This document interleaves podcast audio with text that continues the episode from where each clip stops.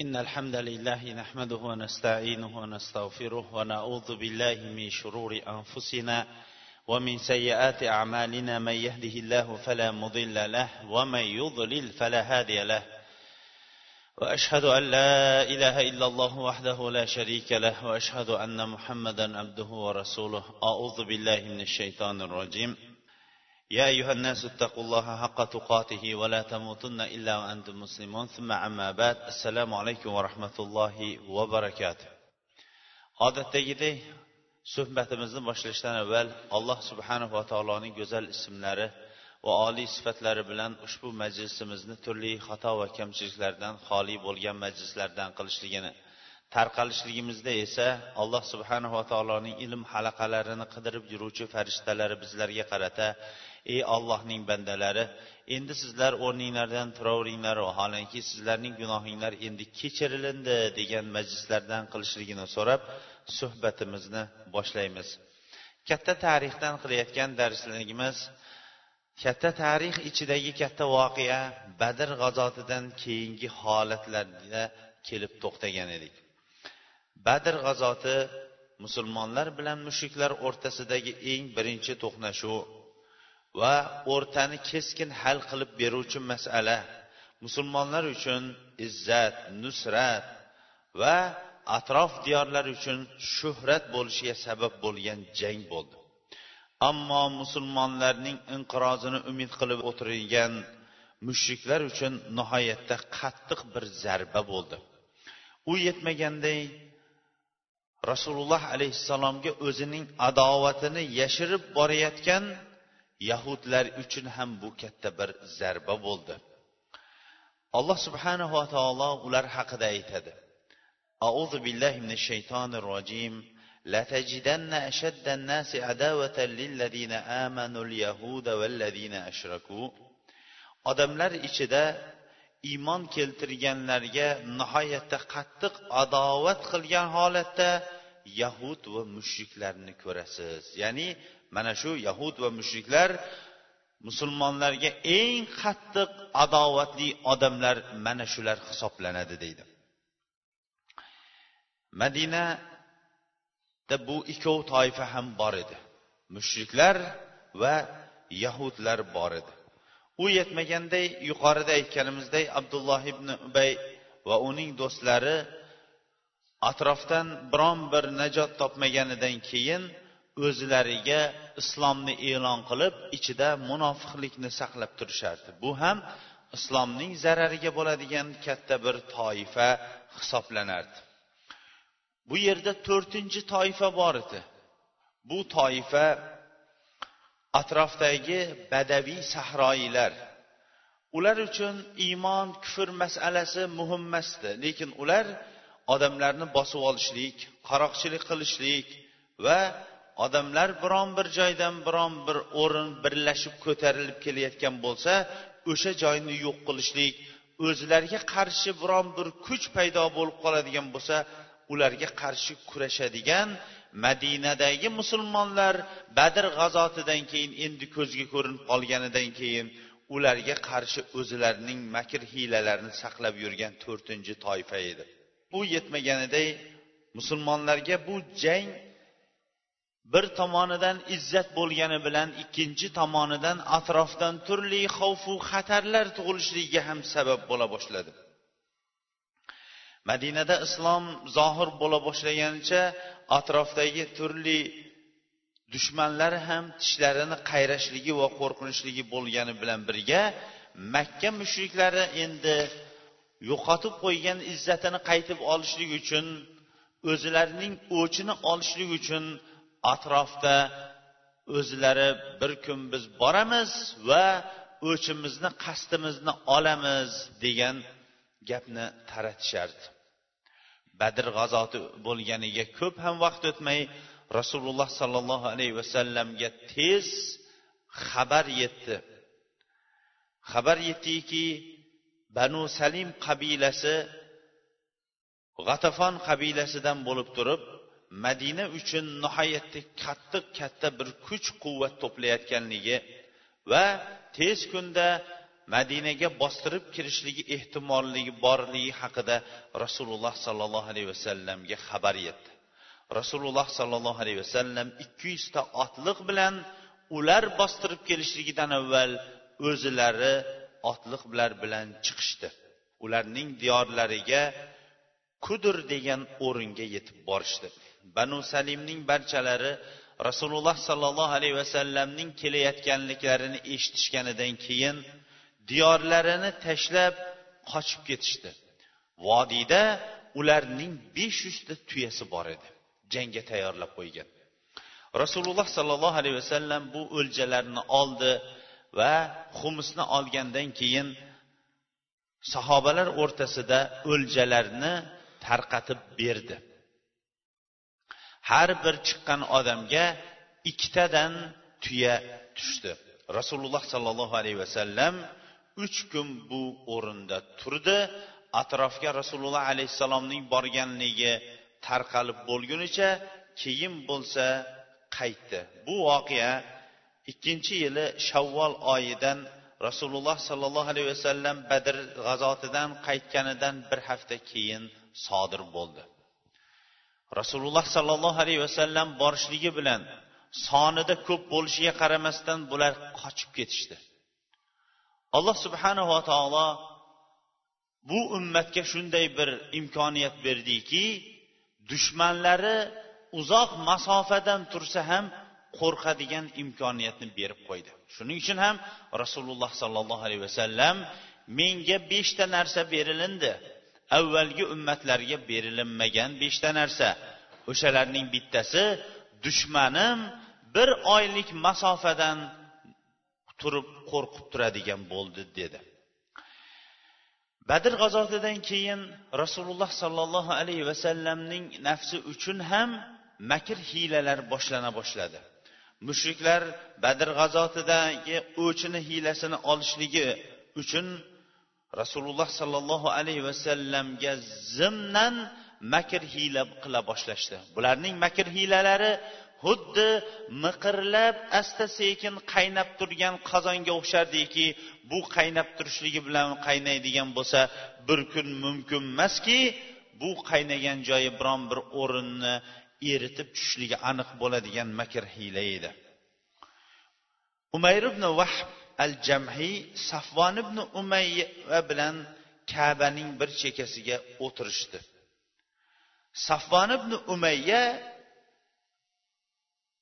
badr jangida uni o'g'li asir tushgan edi. Umayrning ham o'g'li asir tushgan edi. O'zi bo'lsa jangdan arang qochib qutulgan edi. Qurayshning shaytonlarining bittasi hisoblanardi. Rasululloh sollallohu alayhi vasallam va ashoblari makkadaligida qattiq ozor berardi. Vahb ibn umayr badrda g'azot tushib o'g'li payg'ambar alayhissalomning qo'lida edi. Bu ikkovlari o'tirishib badrda bo'lgan voqealar va badr chuqurligiga tashlangan kattalari haqida o'zaro gaplashdi. Safvon aytdi allohga qasamki ulardan keyingi hayot endi yaxshi hayot emas. Kattalarimiz o'tib ketdi dedi. Umayr aytdi to'g'ri aytasiz. Allohga qasamki ammo qarzim va bola chaqam bo'lmaganida men otimga minib muhammadga borardim uni o'ltirardim agar mana shunaqa ish bo'lmaganda shu ishni qilardimda asirimni olib kelgan bo'lardim dedi. Safvon haqiqatdan ham makkor bir shayton edi. Umayrning bu gapidan foydalandida agar rost gapirayotgan bo'lsang qarzing mening bo'ynimga dedi. Men qarzingni uzaman. Bola chaqang bola chaqam bilan birga. Bola chaqam nimani yeb ichsa shuni yeb ichadi. Qolganini bu yog'ida qolgan muammongni menga qo'yib beraver dedi. Umayr aytdi unday bo'ladigan bo'lsa mana shu suhbatni ikkimizdan boshqa hech kim bilmasin. Buni pinhona yashirin holatda qilaylik dedi. Safvon quvonib ketib bo'ldi dedi. Umar o'zining qilichini tayyorladi. Bir qancha kun uni zaharladi. So'ngra ulovni minib madina tomonga qarab yo'llandi. Madinada to'g'ri rasululloh sollallohu alayhi vasallamning masjidining eshigi oldiga kelib otini bog'ladi. Umar ibn xattob bir qancha musulmonlar bilan badr g'azoti haqida masjidda gaplashib o'tirardi.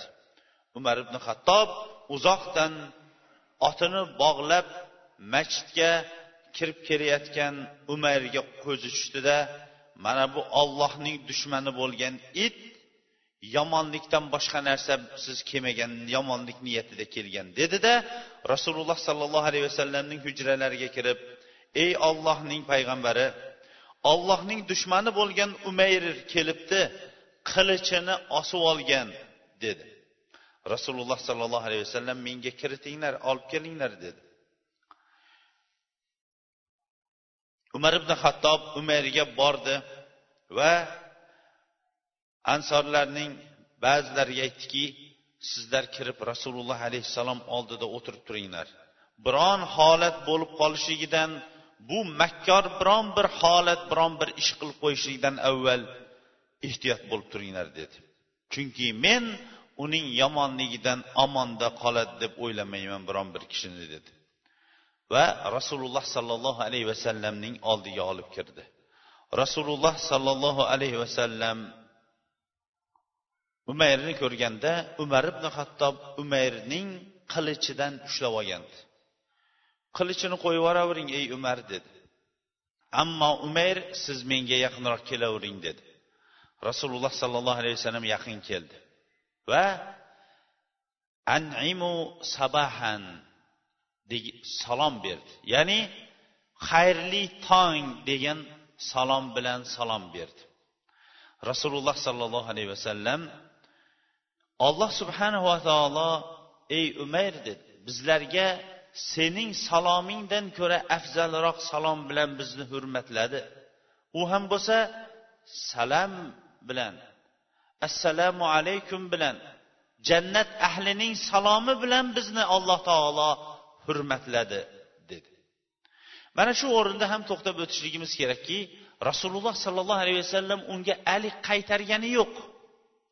Shuning uchun ham ulamolarimiz aytganki biron bir mushriklar yo ahli kitoblar o'zlarining salomlari bilan xayrli tong yo shunga o'xshagan salomlarini beriladigan bo'lsa ularga alik qaytarilmaydi deyishgan.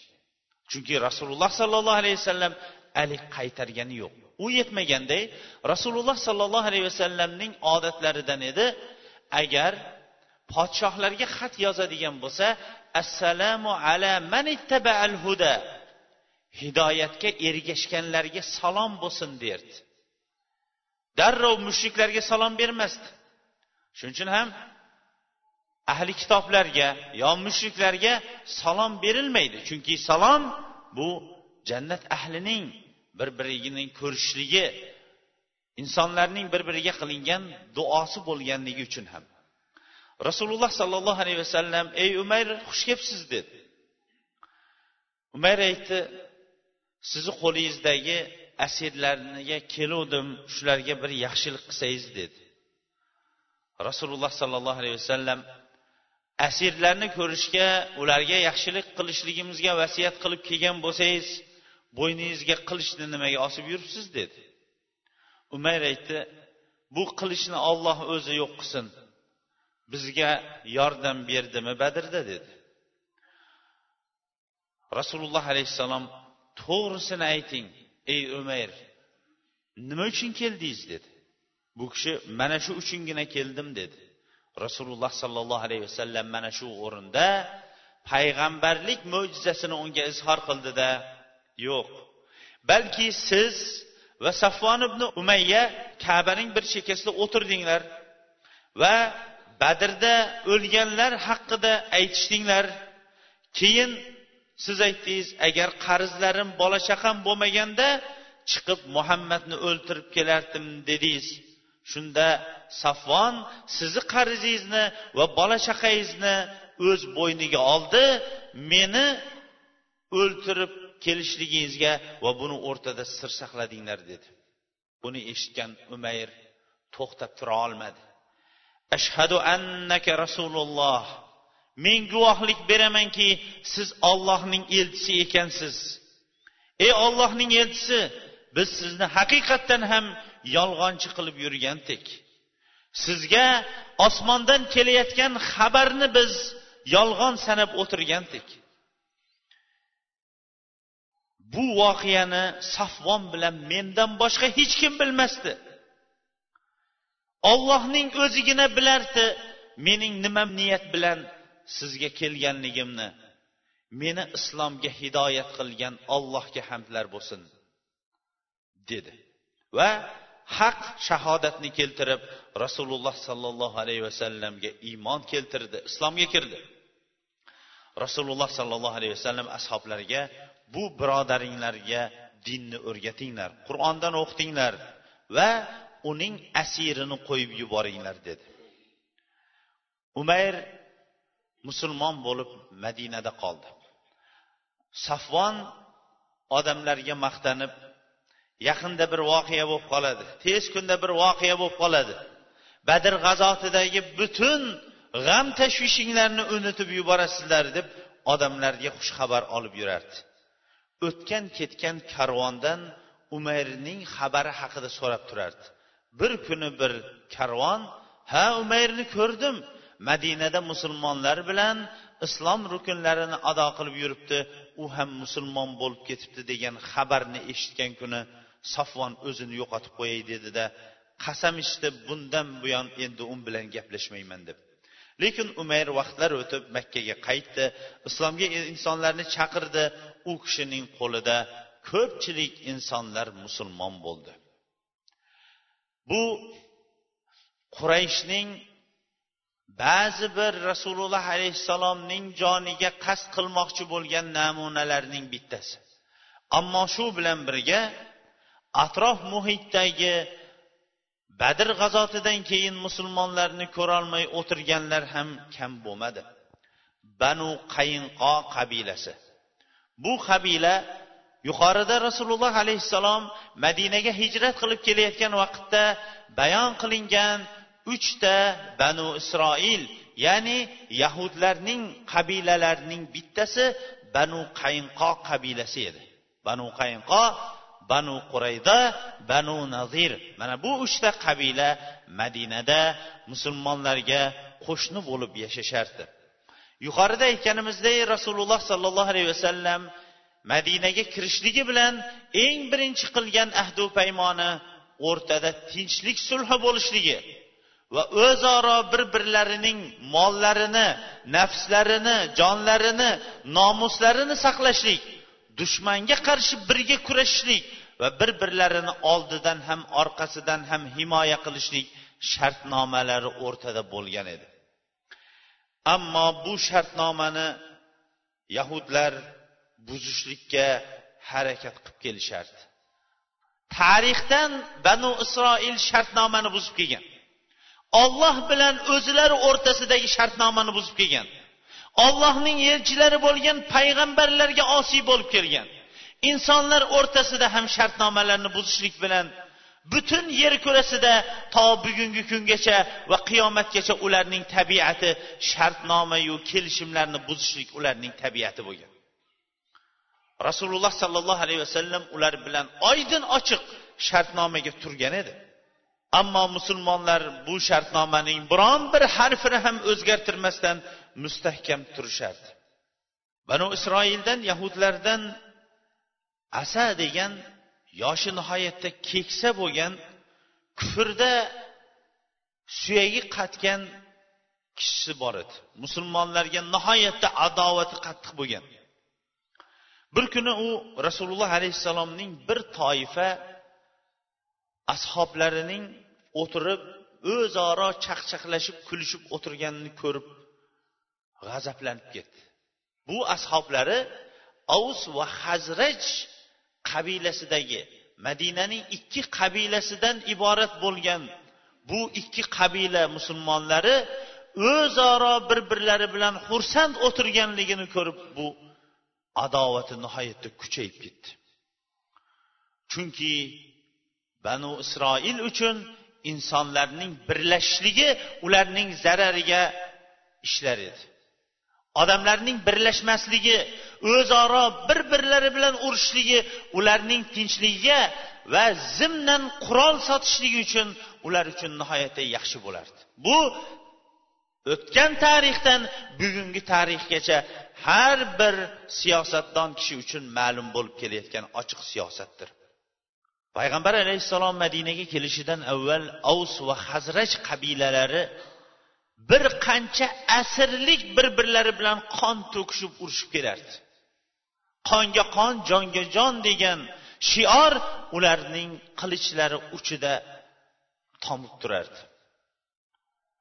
Ammo rasululloh alayhissalom kelishligi bilan ovs va hazraj qabilalari birlashib o'zaro ular bir aka ukaday bo'lib turishi banu isroil uchun nihoyatda og'ir bo'ldi.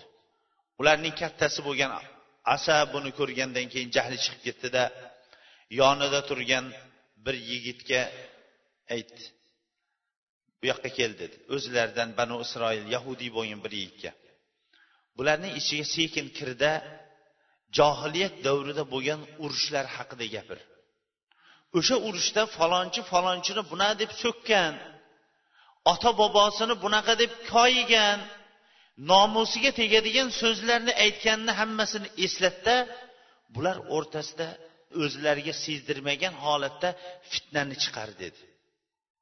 Bu yigit ham o'sha banu isroildan bo'lgan fitnaning alovi uchquni bo'lgan yigit keldida bu musulmonlar o'rtasida chiqib turib avvalgi buas jangi haqida gapira boshladi. Unda kim yaxshi urushgan yomon urushgan urush asnosida kimning otasini kim qanaqa so'kkan kimning nomusiga tekkanligi haqida qattiq gapira boshladi. Shu yerda turgan ikki qabila bir birlariga ranglari o'zgarib qaray boshladida keyin o'rtada seni urug'ing shuna degan seni akang shuna degan degan gap chiqib o'rtada urush boshlandi. Bu yigit sekin to'dadan chiqib ketdi. Ansoriylardan bo'lgan bu ikki qabila bir birlari bilan tortishib faxrlanishib agar xohlasanglar ertaga avvalgiday yig'ilishaylik dedi. Ya'ni avvalgiday yana bir jang qilaylik dedi. Biz qaytmaymiz gapimizdan dedi. Narigi tomon ham biz ham qaytmaymiz dedi. Unday bo'lsa qurollarga shoshilaylik. Xalqni yig'aylik dedi. Mana shu vaqtda bu xabar rasululloh sollallohu alayhi vasallamga keldi. Rasululloh sollallohu alayhi vasallam darrov o'sha joyga keldi. Ey musulmonlar jamoasi ollohdan qo'rqinglar. Ollohdan qo'rqinglar. Johiliyat davolari bilan endi davo qilyapsizlarmi? Men ichinglarda turib mana shunaqa bir biringlar bilan urushib turibsizlarmi? Olloh sizlarni islomga hidoyat qilganidan keyin va sizlarni hurmatlaganidan keyin va johiliyat ishlarini kesib tashlaganidan keyin sizlar orqanglarga kufrga qarab o'girilib ketyapsizlarmi? Olloh qalblaringlarni ulfatlashtirmaganmidi? dedi. Qavm to'xtab qoldi va o'zlari o'rtasida shayton makr hiyla qilganligini bildida darrov qo'llaridagi qurollarini tashlashgan holatda urushmoqchi bo'lib turgan birodarlari bilan darrov bir birlarini bag'ri bosishib o'zaro yig'lashdi. Asaning qilgan fitnasi amalga oshmay qoldi. Bu ham banu isroil yahudlarning qilayotgan makr hiylasi musulmonlar bilan qilgan ahdu paymonining buzishining bir yo'li edi. U yetmaganday yolg'on va ozor berishlik yo'llari bilan ham musulmonlarga qattiq ozor berishardi. Banu isroildan bo'lgan banu qaynqo bu qabila nihoyatda shu uch qabila o'rtasida islomga dushmanligi qattiq bo'lgan qabila edi. Ularning ichida kabubda ashraf ham bor edi. Ular madina shahrining ichida yashashardi. Va shuni ham aytishligimiz kerakki madina shahrining bozori shularning qo'lida edi. Bozor ularning qo'lida degani madina ahlining iqtisodi ularga bog'liq edi. Xohlagan vaqtda narx navoni ko'tarib yuborishi xohlagan vaqtida mol musulmonlarning qo'lida bo'lganda narx navoni tushirib yuborishlik ham banu qayinqo qabilasining qo'lida edi. Ularning ko'pchiligi temirchilik zargarlik va idish tovoq yasashlik kasb hunarlari bilan shug'ullanishardi hozirda ham bular shu ishlar bilan shug'ullanishadi chunki bu ishlar biron bir asrda biron bir qavmdan xoli bo'lmagan hojat bo'ladigan ishlar edi. Shuning uchun ham bularda qurol asliha bularning ham qo'lida edi. Yana shuni aytishligimiz kerakki qaysi bir qavmning qo'lida qurol asliha bo'ladigan bo'lsa qonun qoida ularning tili bilan yuradi. Bu bugungi kunda ham qurol asliha faqatgina o'zlaridan chiqishlikni e'lon qilib boshqalardan taqiqlab qo'yilgan chegaralab qo'yilgan mamlakatlar ham dunyoni boshqarib turganligi biron bir kishiga maxfiy emasdir. Banu qayinqo qabilasi qo'lida hunari bo'lganligi uchun ham temir hunari butun qurol yaroq bularning qo'lida edi. O'zilarida kamida yetti yuzta qurolli kishisi bor edi. Alloh subhanava taolo musulmonlarga badr g'azotida g'alabani berganidan keyin ularning adovati nihoyatda kuchayib ketdi. Va har xil musulmonlarni masxara qilishlik aziyatlar yetkazishlik bozorga kelib qolganlar ustidan kulishlik ozor berishlik ochig'iga ularda kuchayib ketdi. Rasululloh sollallohu alayhi vasallam buning oldini olishlik uchun ular oldiga bordi barchasini yig'di insofga chaqirdi o'rtada tinchlikni saqlashlik uchun ularga tinchlik saqlashlikka ularni yana qaytadan eslatma berdi. Abu dovud ibn abbos roziyallohu anhudan rivoyat qiladi. Rasululloh sollallohu alayhi vasallam badr g'azotidan keyin madinaga keldi. Madinada tinchlikni saqlashlik uchun banu quraydaning banu qaynqoq qabilasini yig'di.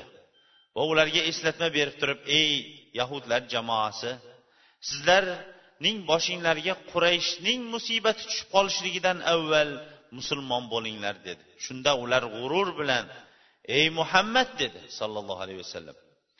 Siz urushni bilmaydigan odamlarga yo'liqib g'alaba topib turganingiz sizni alla qo'ymasin. Quraysh bir kichkinagina urushni bilmaydigan jamoat edi agar siz biz bilan bir urushadigan bo'lsangiz bizni kim ekanligimizni shunda bilasiz dedi bu oydin ochiq rasululloh sollallohu alayhi vasallam va ashoblarni urushga chaqirishlik edi alloh subhanava taolo mana bu oyatni nozil qildi auzu billahi minash shaytonir rojim قل للذين كفروا ستغلبون وتحشرون إلى جهنم وبئس المهاد kofir bo'lgan kishilarga ayting ular urushadigan bo'lsalar tez kunda mag'lub bo'lishadi va jahannamga yig'ilishadi. Jahannam naqadar yomon joydir. Sizlardan avvalgilar uchun o'rnak bor edi. Ikki toifa bir birlari bilan yo'liqishdi. Ularning bittasi ollohning yo'lida urushardi ikkinchisi esa kufr yo'lida kofir holatda urushardi kofirlar musulmonlarni ikki barobar ko'p ko'rardi. Va hokazo olloh o'zining nusrati bilan xohlagan bandalarini qo'llab quvvatlaydi albatta olloh mo'minlarni qo'llaydi. Bu uchun aql yurituvchi insonlar uchun ibrat bor degan oyatni nozil qildi. Banu qayinqo qabilasining yana ham adovati kuchaydi. Bir kuni bir muslima ayol bozorga kirib o'zining taqinchog'ini to'g'irlayotgan edi. Shu yerda turgan yahudiylarning uch to'rttasi bu ayolning betini ochishlikka harakat qildi. Ayol qattiq undan bosh tortdi. Va ular keyin pinhona taqinchog'ini to'g'irlab bergan bo'lib turib orqa tomonidan ayolga bildirmagan holatda bir yahudiy keldida ip bilan ayolning ro'molini do'konning usti tomoniga bog'lab qo'ydi. Ayol taqinchog'ini oldida xabari yo'q yurib ketuvdi. Ro'mol ko'tarilib ayolning beti ochildi. Bozorda o'tirgan banu isroil yahudiylarning hammasi kulib yuborishdi. Ayol ovozini ko'tarib yordam so'rab yig'lagan edi. Shu yerdagi musulmonlarning bittasi yahudiylarning bittasiga chang soldida o'ltirib qo'ydi. Shu yerdagi do'konda yig'ilib turgan yahudiylarning barchasi bu musulmonga chang soldida buni o'ltirib qo'ydi. O'rtada jang uchquni ko'tarildi va o'rtada jang bo'ldi. Rasululloh sollallohu alayhi vasallam ham ularning berayotgan aziyatlariga sabr konasasi to'lib bayroqni hamzat ibn abdul muttolibga berib abu lubabani madinaga hokim qilib qoldirdida askarlari bilan borib banu qayinqoq qabilasini qurshovga oldi. Banu qayinqoq qabilasi shunchalik qurol aslihalarga shunchalik ko'p askarlari bo'lishiga qaramasdan musulmonlarni ko'rgandan keyin o'zlarining qal'alariga qarab qochib ketishdi. Bu banu isroilning tabiati. Ularda bo'lgan tabiat bu qo'rqoqlik tabiatidir. Bo'lmasam qurol asliha hammasi ularning qo'lida askarlar ham ularning qo'lida qal'alari ham mustahkam. Qurol aslihalari ham nihoyatda oxirgi qurol aslihalar. Ular maydonda biron bir marta yakkama yakka chiqqani tarixda ko'rilmaydi. Ular muso alayhissalomga boring siz va robbingiz ular bilan urushing mana shu yerda biz o'tirib turamiz degan o'shalar edi.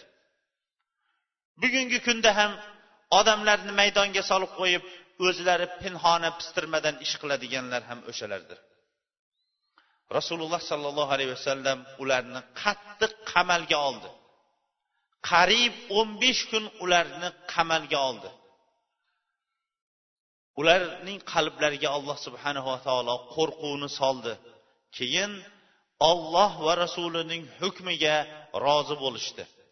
Rasululloh sollallohu alayhi vasallam ularning mollari ayollari zurriyotlari barchalarini qo'lga oldi. Shu vaqtda munofiqlarning kattasi bo'lmish abdulloh ibn ubay keldi. Rasululloh sollallohu alayhi vasallamga kelib ularni kechirishligini talab qilib turib oldi. Ey muhammad avvalgi asrlardan buyon bizni himoya qilib kelayotgan bularga yaxshilik qiling. Ularga yaxshilik qiling deb turib oldi. Hazrash qabilasi bilan banu qayinqo avvaldan kelishmovchiliklari bor edi. Rasululloh alayhissalom indamay uni kechiktiribroq qo'ydi. Bu degani yoqtirmaganligi edi. Lekin abdulloh ibn ubay bunga qaramasdan qayta qayta aytaverdi. Vaholanki abdulloh ibn ubayning hali musulmon bo'lganiga bir oy ham o'tmagan edi. Rasululloh sollallohu alayhi vasallamga qattiq turib olib ularga yaxshilik qilmagunicha men oldingizdan ketmayman deb turib oldi. Ular to'rt yuzta asir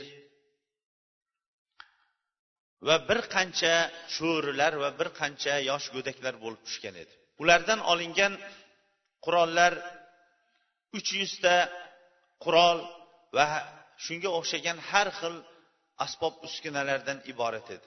Rasululloh sollallohu alayhi vasallam abdulloh ibn bayning gapiga ham qarab turdida ularni shahardan chiqib ketishlikka ammo olingan molu davlatlari qolishlikka rozi bo'ldi. Ularning barchasi shom diyorlariga qarab chiqib ketishdi. Yo'lda bir qanchalari vafot etib ketdi. Bu ham madinadagi badr g'azotidan keyingi eng birinchi musulmonlarga qarshi qilinayotgan makr hiylalarning bittasi edi. Safvon ibn umayya yahudlar munofiqlar barchasining adovati badr g'azotidan keyin bir tomonda tursa abu sufyon qaytib kelgandan keyin boshimni suv bilan ham yuvmayman junub bo'lib qolsam g'usul ham qilmayman hatto muhammadga borib urushmagunimcha va badr g'azotidagi qasdimni olmaguncha deb qasam ichib qo'ygan edi bir kuni shu qasamini oqlashlik uchun ikki yuzta otliq bilan hech kimga bildirmagan holatda madinaga tomon yurdi yarim kechada madinaning yaqiniga tushdi. Yolg'iz o'zi madinaga kirdida avvalgi mushrik bir og'aynisini uyiga keldi. Mast qiluvchi ichimlik bilan uni mehmon qildi. Keyin bo'lsa madinaning tashqariroqda bo'lgan bir ansoriyning bog'iga hujum qilishdi. Ansoriyni o'ltirdi va u bilan sherik bo'lib ishlayotgan bir kishini o'ltirdida orqaga qarab qochishdi. Bu xabar rasululloh sollallohu alayhi vasallamga kelgan vaqtda darrov askar bilan ortidan quvib bordi. Lekin abu sufyon qochishligi nihoyatda tez bo'lgan edi. Biroz joygacha abu sufyonning askari ko'rinmagan. Ular yo'lda iz qoldirishi bilan birga idishlarga solib qo'yilgan talqonlarni yo'lda tashlab tashlab ketgan edi. Musulmonlarning barchasi bu talqonlarni yig'ib oldi va bu talqon jangi deb nomlandi talqon izi qolganligi uchun ham. Qo'yingki rasululloh sollallohu alayhi vasallamga alloh subhanava taolo badr g'azotida bergan izzatining ortidan bir qancha to'lamlarga ham sabab bo'ldi. Alloh nasib etsa inshaalloh kelgusi haftada uhud jangiga yaqin bo'lgan o'rinlarga inshaalloh to'xtab o'tamiz.